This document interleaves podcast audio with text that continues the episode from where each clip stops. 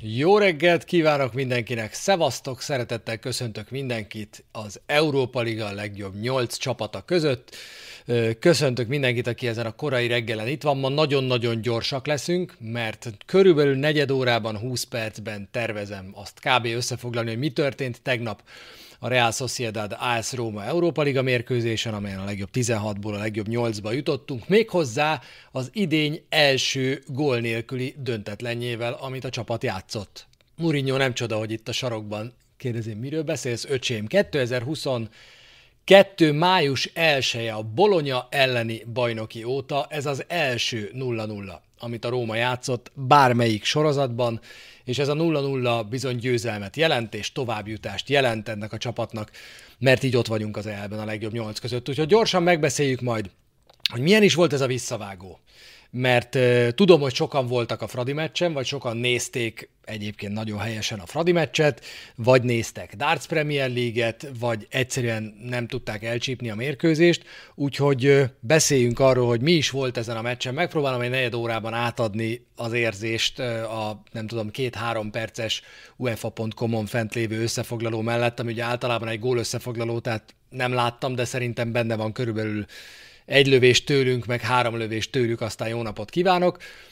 Egy igazi Zsozés mérkőzés volt, ez tény, és magát José mourinho is meg fogjuk majd hallgatni, mert rövid idő ide, rövid idő oda, gyorsan most reggel lefordítottam feliratosként Mourinho meccs utáni másfél perces nyilatkozatát, úgyhogy ezt is láthatjátok majd, és megbeszéljük, hogy mi lesz ma 13 órakor, hiszen akkor sorsolják majd a következő csapatokat az Európa Ligában, a következő fordulókat az Európa Ligában, mert mindent fogunk tudni ma, egészen a Budapestre vezető útig, vagyis hogy melyik csapat lesz a negyed döntős ellenfelünk, és hogy mely csapatok lehetnek az elődöntős ellenfeleink. Mindenkit köszöntök még egyszer, vágjunk bele.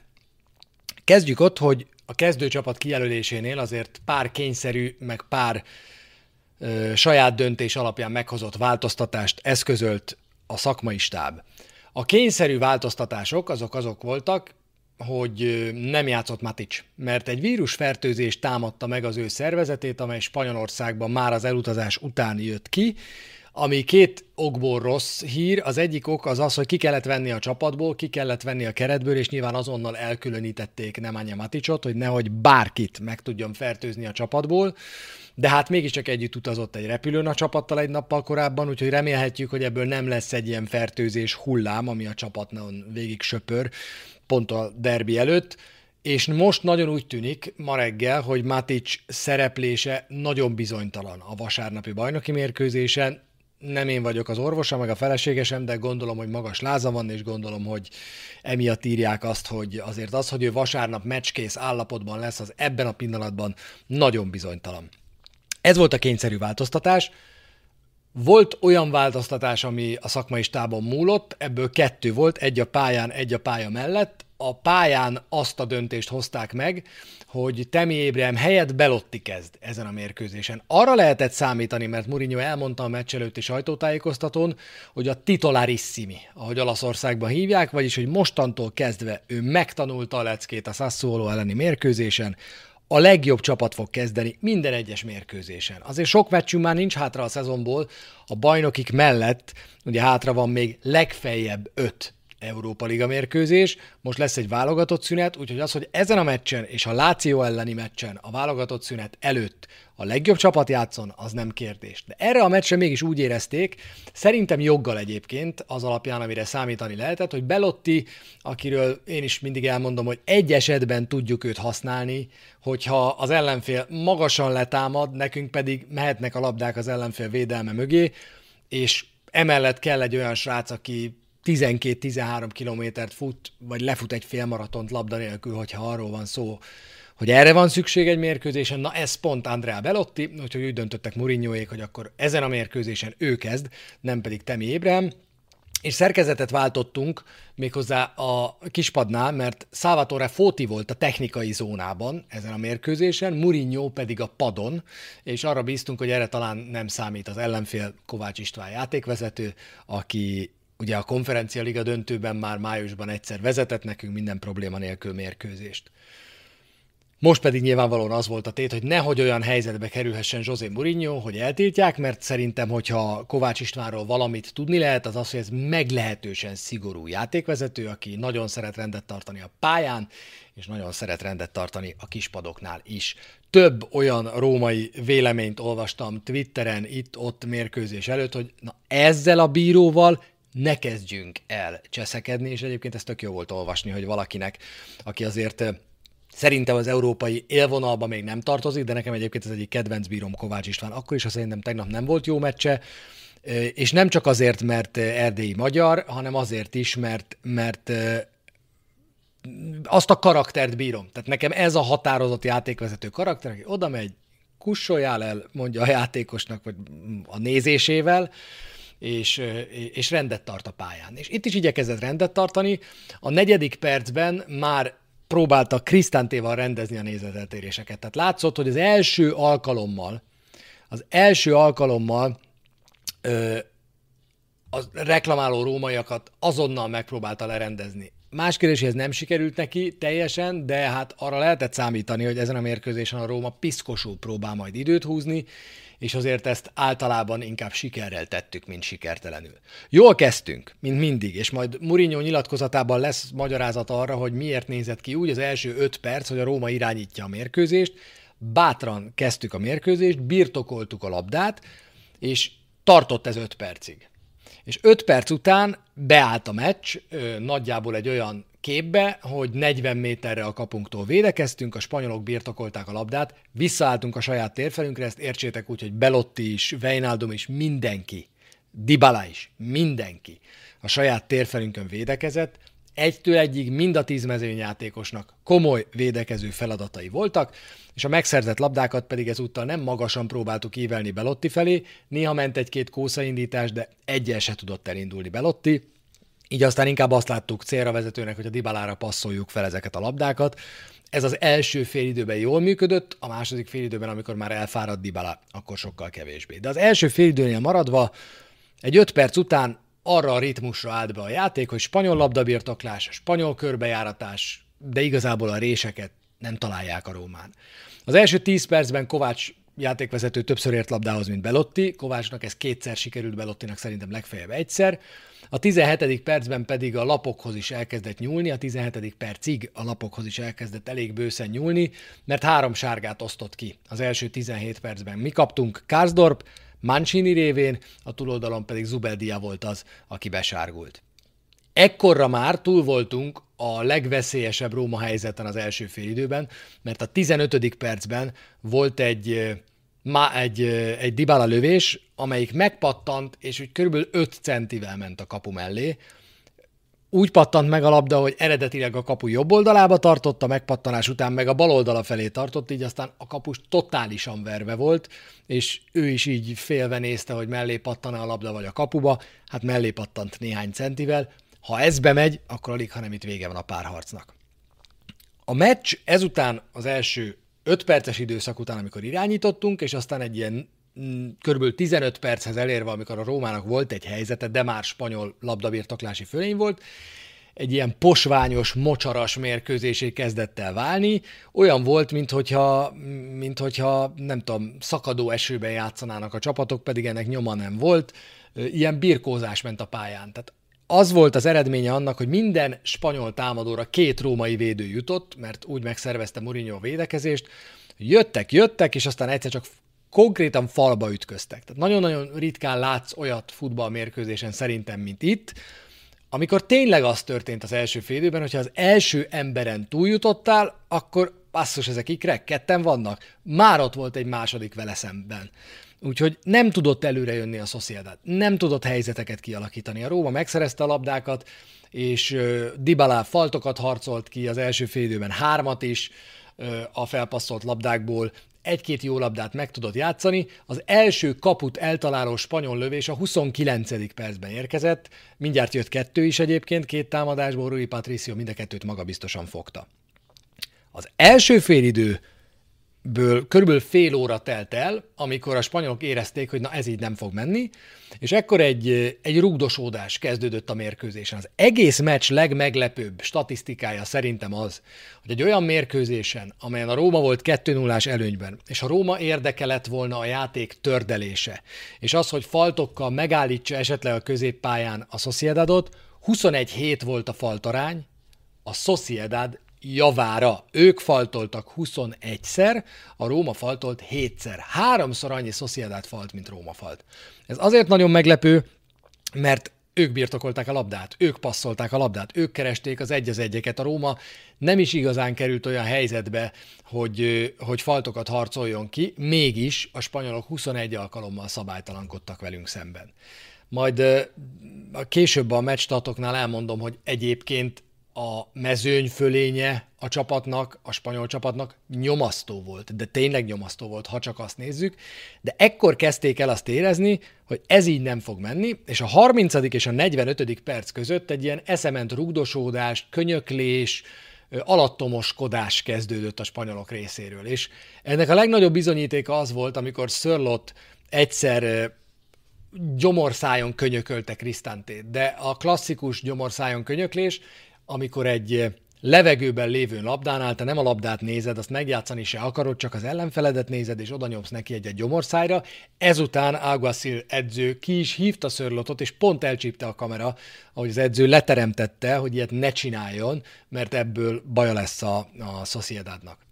Rikót mindez nem zavarta, a 39. percben egy kísértetiesen ugyanilyen esetnél a lassításon is látszik, hogy Rikó egy pillanatig nem nézi a labdát, csak és kizárólag Kárzdorpot, és vállal szépen nyomott egyet Kárzdorp arcára, akit hát ezek után ilyen agyrázkódás gyanúval kellett legalábbis lecserélni. Kíváncsi vagyok, hogy őt vasárnapig sikerül-e majd megfelelő állapotba hozni.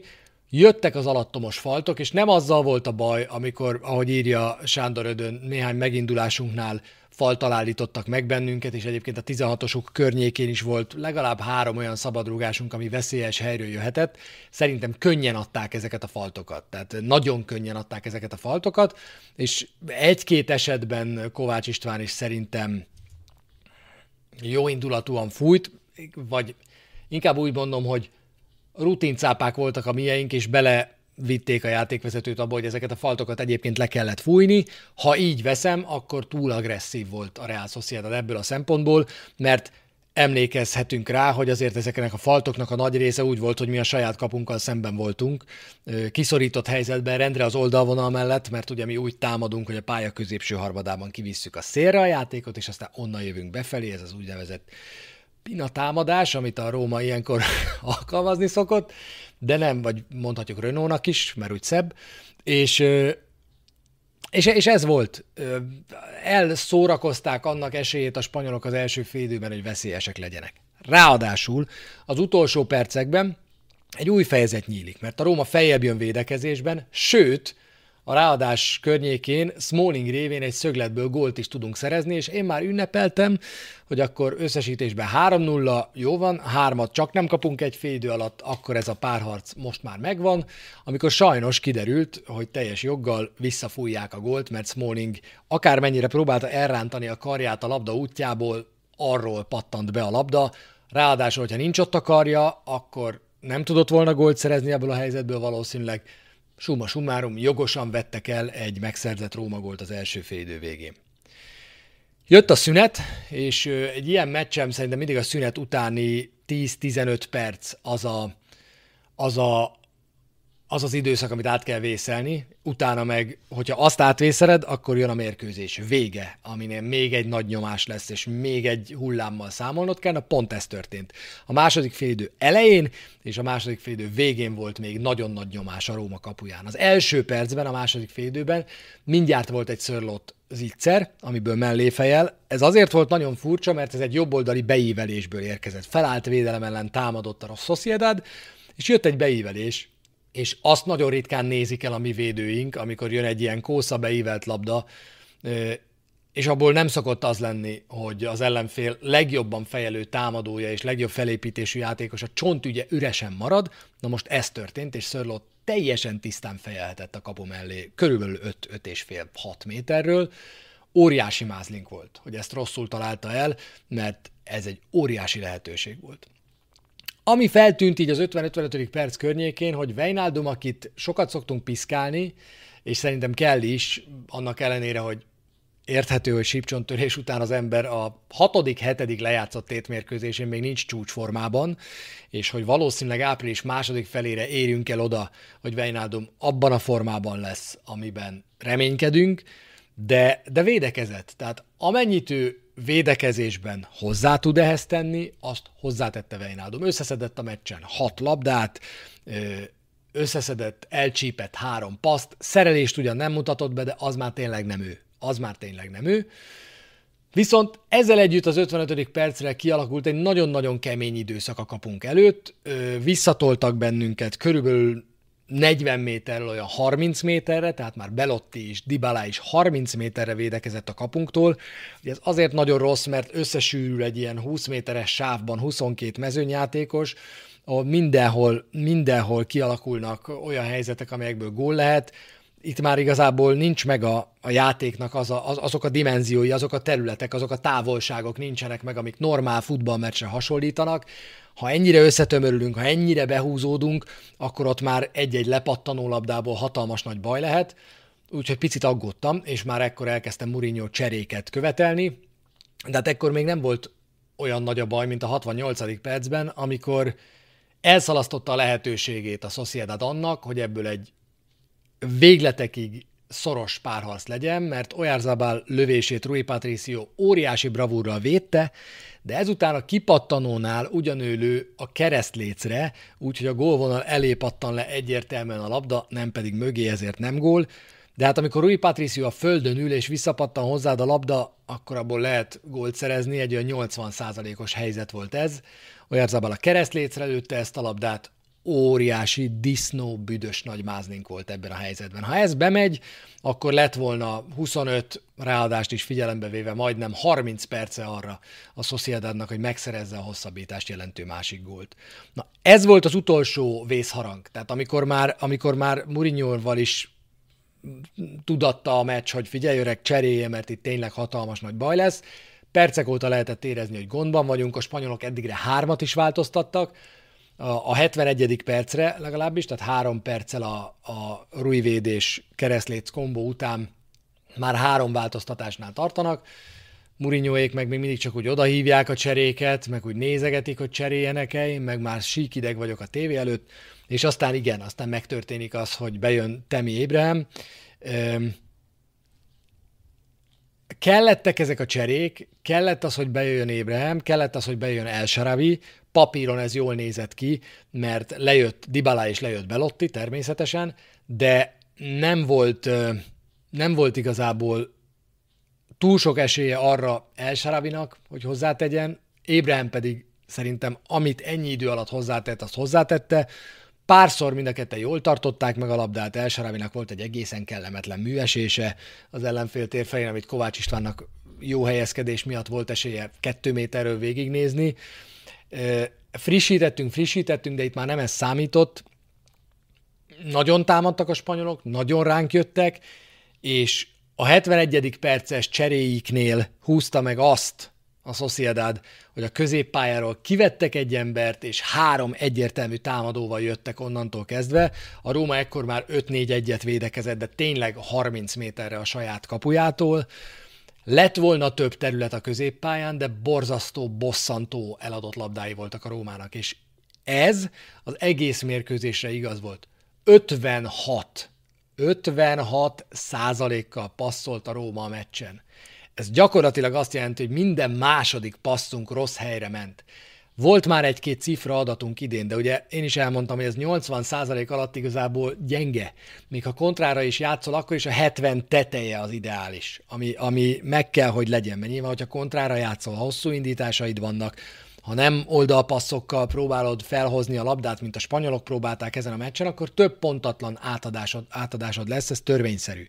De az 56 százalék az nagyon-nagyon alacsony. Az azt jelenti, hogy, hogy borzasztó borzasztó könnyű eladott labdáid vannak, és pont akkor, amikor több hely lett volna, lehetett volna kontrázni, akkor egy-két, ahogy a kosárlabdában mondják, ilyen kiszabadító átadást, azt, azt könnyen elhibáztunk, amikor el kell indítanod egy közepes passzal egy akciót, és levegőhöz kell juttasd a támadásodat labdaszerzés után, ezeket rendre elrontottuk, és nem tudtunk elindulni a labdával. Totálisan magukra húztuk, magunkra húztuk őket, de komoly gólhelyzetük már nem nagyon alakult ki a meccs végéig. Betoltak minket, volt még ugye egy necces kezezős eset Pellegrininél, de azt nagyon bölcsen nem fújta le Kovács sem a VAR, mert nem volt az egyébként Pellegrinnek fogalma nem volt, hogy a kezére pattan a labda, ráadásul itt volt a, itt volt a teste mellett.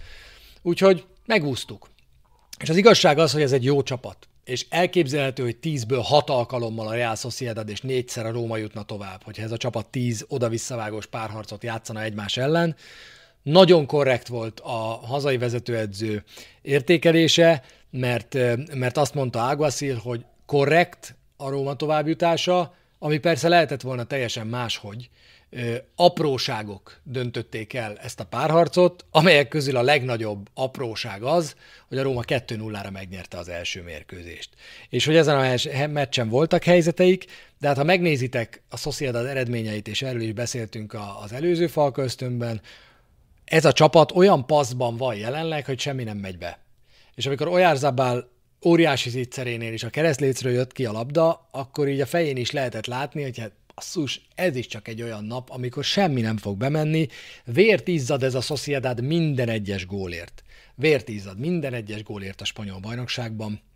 Nagy nyomás volt, volt egy-két lehetőségük, de megúsztuk kapott gól nélkül. Ha az XG mutatót nézzük, akkor azért 2-0-át jelez egyébként a Sociedad javára, tehát lehetett volna ez máshogy. Róma szurkoló reflex az, hogy mindig félsz attól, hogy egy gólt kapunk, és akkor pánikolni fogunk, és tuti jön rá a második. Tény az, hogy ezen a mérkőzésen zéró helyzetünk volt. Nem volt, nem volt gól helyzetünk, nem volt lövésünk a 16-oson belülről. A góllal leginkább kecsegtető próbálkozás az Dibaláé volt, száz olyan lövésből négy megy be általában. Nem ez volt a cél. És ez az a meccs, ezért írtam, hogy amikor a, a számok hallgatnak, amikor az, hogy 565 sikeres passza volt a Sociedadnak és 110 a Rómának, hogy 86%-kal passzoltak ők, 56%-kal mi, hogy kettes XG-jük volt nekünk meg nulla, hogy ezek el, el is árulnak valamit, meg nem is árulnak el igazából semmit. Mert mert nagyon sok lövésből jött össze ez az 1,84, vagy majdnem kettő nekik, a legnagyobb helyzet az Oyarzabelé volt, de az 0,8 volt ebből, sőt több mint 0,8. Tehát ha az összes többi lövésüket nézzük, abban egy gólnyi helyzet volt. Hogyha nagyon elaprózod az XG-det, annál kisebb esély van a gólszerzésre, hogy lehet itt mennyiségi, meg minőségi lövésekre menni. Ő, nekik mennyiségi volt ezen az estén, egy-két minőségi kulcs helyzet elrontása pedig azt jelentette náluk, és itt szinte kizárólag Szörlott és Ojárzabál helyzetére gondolok. Ez volt a két nagy helyzetük a mérkőzésem. Kihagytak egy nagy zicsert Rómában is, egy nullánál. Ha három zicsert kihagysz egy ilyen párharcban, akkor ahogy Spinazzola mondta a meccs után, itt már igazából hamarabb záródik az ajtó, mint egy bajnoki mérkőzésen. Itt már teljesen természetes, hogy rosszabb mérkőzések vannak, itt már teljesen természetes az, hogy egy 2 0 előnyben lévő csapat addig, amíg te gólt nem szerzel, nem fog változtatni, nem fog kockáztatni, úgyhogy megnyertük a meccset. Azért az nem lepett meg a mérkőzés alapján, és ö, nem akarok panaszkodni a Sociedadra, mert nekünk aztán ilyen szempontból panaszkodni nincsen jogunk, de azért ez egy kőkemény csapat. Tehát ez egy nagyon keményen rugdosódó, iszonyú fizikális csapat ez a Sociedad. Nem lep meg, hogy a spanyol bajnokság második legtöbb faltja az övék. Na most az nagyon ritka. Az nagyon-nagyon ritka, hogy egy bajnokság élcsapata, egy top 5 bajnokság élcsapata élen járjon, vagy a második helyen álljon elkövetett szabálytalanságokban. A Sociedaddal ez a helyzet, ők rengeteget faltolnak, majdnem 17-et spanyol bajnoki mérkőzésenként. Ez nem véletlen. Ezt megmutatták, és ezek a faltok, ezek bizony időnként minőségiek is voltak. Ami még minőségi volt, az a mi védekezésünk, 9 blokkolt lövés, mindig volt ott valaki, különösen a második félidőben volt erre nagyon nagy szüksége a Rómának, több mint 20 hazai próbálkozásból 9 blokkban akadt el, Néha úgy néztünk ki, mint egy röplabdasánc, ami nagyon-nagyon jó. Rui Patriciónak így aztán három védeni valója volt a mérkőzésen, ebből egy bravúr, de ne felejtsük el, hogy volt Szörlótnak az a fölé mellé fejelt labdája, amit botrányosan talált el, meg egy Oyarzabal kapufa, amik ugye nem kerülnek be Rui Patricio védeni valói közé. Úgyhogy Aguasil nagyon korrekt nyilatkozatot tett a mérkőzés után, azt pedig, hogy mit mondott José Mourinho, azt most meg is hallgathatjátok, illetve akik nézik a videót, nem pedig hallgatják a podcastet, azok meg is nézhetik és el is olvashatják, hogy mit mondott magyarul Mourinho. Forte, volevamo abbassare eh, la tensione dello stadio, ehm, come abbassa la tensione? Abbassa segnando o abbassa dimostrando tranquillità e controllo eh, della partita. Abbiamo fatto questo, non abbiamo segnato purtroppo, abbiamo avuto quella grandissima opportunità di palo dopo il gol annullato a, a Smalling, um, però lo stadio ha, ha sentito um, che era molto difficile per, per, molto difficile per loro, che era molto difficile per loro. E noi ogni minuto che che passava più tranquilla la, la, la, la squadra era. Un sforzo tremendo dei, dei ragazzi, una grande prestazione collettiva, individuale. Siamo ovviamente molto molto felici anche per tutti i romanisti che hanno viaggiato eh, qua. Stadio bellissimo, avversario di, di qualità, penso una bella, una bella serata europea. Non abbiamo segnato mister, però non abbiamo neanche subito gol, è successo l'andata, è successo anche stasera più difficile, un bel segnale questo. Eh, siamo una squadra che, che, quando sta concentrata, che quando difende come, eh, come, come squadra, siamo una squadra che non è facile, non è facile per, per avversari. Oggi concentrazione eh, totale, eh, un spirito di, di collettivo dove tutti partecipavano con i suoi compiti, veramente una grande prestazione dei ragazzi. Na, hát ez volt Mourinho mondandója a mérkőzés után, akkor is, hogyha pár magánhangzót ebben a két szóban összekevertem. Eh, Keglovics Laci kérdése nem. Ez nem Pellegrini szabadrugás gólja, ez Temi Ébrahim gólja a pólómon, amit Karsdorp Hát lehet, hogy az elmúlt szezonban egyetlen jó beadásából szerzett, ezzel készülök én már a vasárnapi derbire, amely este hatkor lesz a Sport 2 és Zümivel együtt közvetítjük. 17.500 Róma szurkoló lesz ott, úgyhogy nyugodtan mondhatjuk, hogy Európa, mondjátok meg a haverjaitoknak is, hogy a Sport 2 18 órakor hétvégén Európa leghangulatosabb helyi, nem, Európa leghangulatosabb városi derbije lesz, mert nincs még egy olyan derbi, ahova 17.500 vendégszurkoló bemehetne, fantasztikus hangulat lesz. Ha jól emlékszem, akkor ősszel 16 ezer Láció szurkoló volt, most 17.500 Róma szurkoló lehet majd természetesen teljes teltház előtt, úgyhogy én már készülök a hétvégi derbire. Matini eljupunk lesz előtte 12.45-kor, aztán bemaradok és letoljuk hatkor Zümivel a római derbit vasárnap. Na de addig még vár ránk egy sorsolás. Egy sorsolás, amelyik nagyon sok szempontból érdekes, ez ma, vagyis pénteken délután egy órakor lesz majd, a lehetséges ellenfelek pedig a Manchester United, a Juventus, a Feyenoord, a Leverkusen, az Union Saint-Gilloise, az Arsenal helyett a Sporting bocsánat, csak ezt még úgy írt, nem trollkodni akarok az esetleg itt lévő Arsenal szurkolókkal, hanem még ezt úgy írtam fel magamnak tegnap este, amikor elkezdtem készülni, Arsenal per Sporting. Az van, hogy nincs már semmilyen megkötés, tehát nincs kiemelés, nincs megkötés, a továbbjutók közül a Juventus és a Manchester United európai koeficiense jobb, mint a miénk. De ennek igazából csak információ értéke van, jelentősége a sorsolás szempontjából nincs.